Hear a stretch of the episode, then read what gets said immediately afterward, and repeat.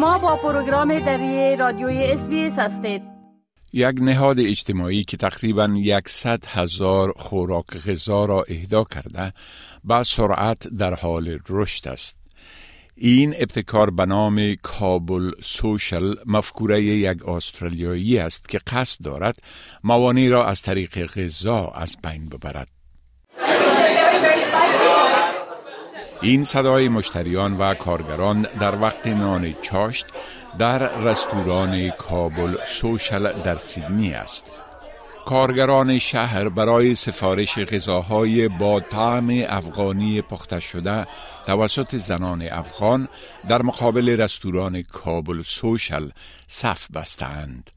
شان کریستی دیوید بنیانگذار این نهاد اجتماعی با فروش هر خوراک دو خوراک را یکی به پناهندگان و پناهجویان ساکن استرالیا و دیگری را به افغانستان اهدا می کند. We've been able to donate over 98,000 meals to date. Um, 49,000 of them to people seeking asylum in Sydney. And then we've donated 49,000 meals through a great organisation called Mabuba's Promise, who create packs for families to cook meals at home. از زمانی که طالبان در آگست سال 2021 در افغانستان دوباره به قدرت رسیدند بحران غذایی در آن کشور به صورت دوامدار بدتر شده و پروگرام جهانی غذا گزارش داده که 20 میلیون نفر در وضعیت ناامنی شدید غذایی قرار دارند. آقای کریستی دیوید تلاش می کند با این ابتکارش در تغییر دادن این وضعیت سهم بگیرد. What we're doing with women in Afghanistan who might not be able to afford the produce, we're giving them the produce and they can create meals and memories and connection for their families. آقای کریستی دیوید رستوران کابل سوشل در استرالیا را از طریق یک سازمان غیر انتفاعی مهمانداری به نام Plated Forward Hospitality اداره و کارگران با پیشه های مختلف و محروم را استخدام می کند. That's employing people seeking asylum, refugees, women over the age of 50, people out of the incarceration system, those living with disability, First Nations community members. So to date, we've employed over 175 people. That's equated to about 70,000 hours of training, education, and employment, and about $2.5 million in wages to people who might otherwise have had barriers to enter the workforce. او میگوید که سازمان پلیتد فارورد هر هفته سه هزار خوراک نان را اهدا می کند و از مواد ایانه داده شده به خاطر پختن غذا برای بسیاری از مردمی که با بلند رفتن مخارج زندگی مشکل دارند استفاده می نماید. We're seeing needs that are out there. We're seeing people going hungry. We're seeing things that come into light that we didn't know. And what we want to do now is be part of a change. خواهر و برادر 17 ساله افغان پرویز و روما تازه به تیم این نهاد پیوستند. آنها در ماه می وارد استرالیا شدند و روما می گوید که اکنون در حال آموزش برای کار در یک محل جدید رستوران کابل سوشل هستند که قرار است ماه آینده در شمال سیدنی افتتاح شود. We're so lucky. Of course, we're so lucky because I've heard many people when come here as a refugee, they don't get work for a year or maybe two years. The shortest time that they got the job, it was about seven or six months. So we just arrived here and we just got a job. This is so good. این نوجوانان با مجرد برگشت طالبان به قدرت در سال 2021 کابل را همراه با والدینشان ترک کردند. Uh, the night the Taliban took over control to Afghanistan, we just get out from Afghanistan and we were at Pakistan at a, a simple hotel. روما امیدوار است در پوهنتون سیدنی در رشته هنرهای زیبا تحصیل کند و می‌داند که خوشبخت است که در اینجا فرصتهایی دارد که دختران در افغانستان تحت ممنوعیت های شدید تحصیلی طالبان از آنها محرومند. The rule was to girls should be a housewife.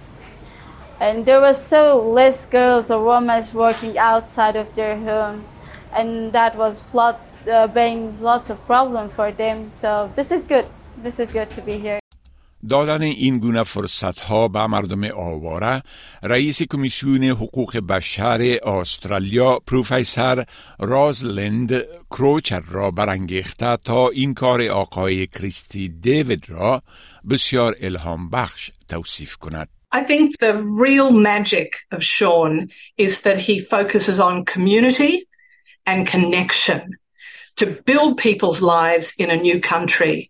The key thing is getting started, getting engaged. And when you come to a new country with perhaps not the skills of language or even the social understandings of the work environment, to be able to use what you do know, which is food, cooking, it helps to build confidence in language and to also to gain skills that then lead to permanent employment. یاقوت همایون پناهنده ای است که در آشپزخانه کابل سوشل نان تابعی سنتی افغانی را پخته می کند. او بیش از یک دهه پیش افغانستان را ترک کرد و افتخار می کند که فرهنگ خود را به استرالیایی ها معرفی کرده و در کنار دختر و عروسش کار می کند. I'm very happy, very happy. I and uh, Sean is very nice man. In the before, I look for work, not find the work. I'm now very happy. Work with Sean. مالکا بیکس مشتری و دوستدار کابل سوشل بنیانگذار این ابتکار شان کریستی دیوید را یک الگوی الهام بخش برای دیگران در استرالیا می داند. I've known Sean for over 10 years. He's, he's, an outstanding entrepreneur, so I'm not surprised that he's actually got something really good like this happening. He's giving back to the community. That's all what Sean's been about. He comes from Sri Lanka, he has a Sri Lankan background, as do I. Having that heritage, giving to community, not just Sri Lanka, but Australia and any other needy, needy community. So it's, it's fabulous. آقای کریستی دیوید قصد دارد تیم خود را با اجرای چندین پروژه جدید به حیث یک شرکت اجتماعی رشد دهد.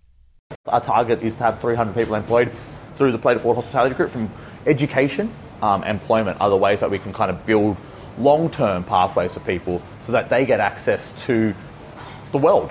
So that's what really drives this kind of ethos. گزارش را که شنیدید با کمک ساندرا فولن از SBS نیوز تهیه شده بود. می خواهید این گونه گزارش ها را بیشتر بشنوید؟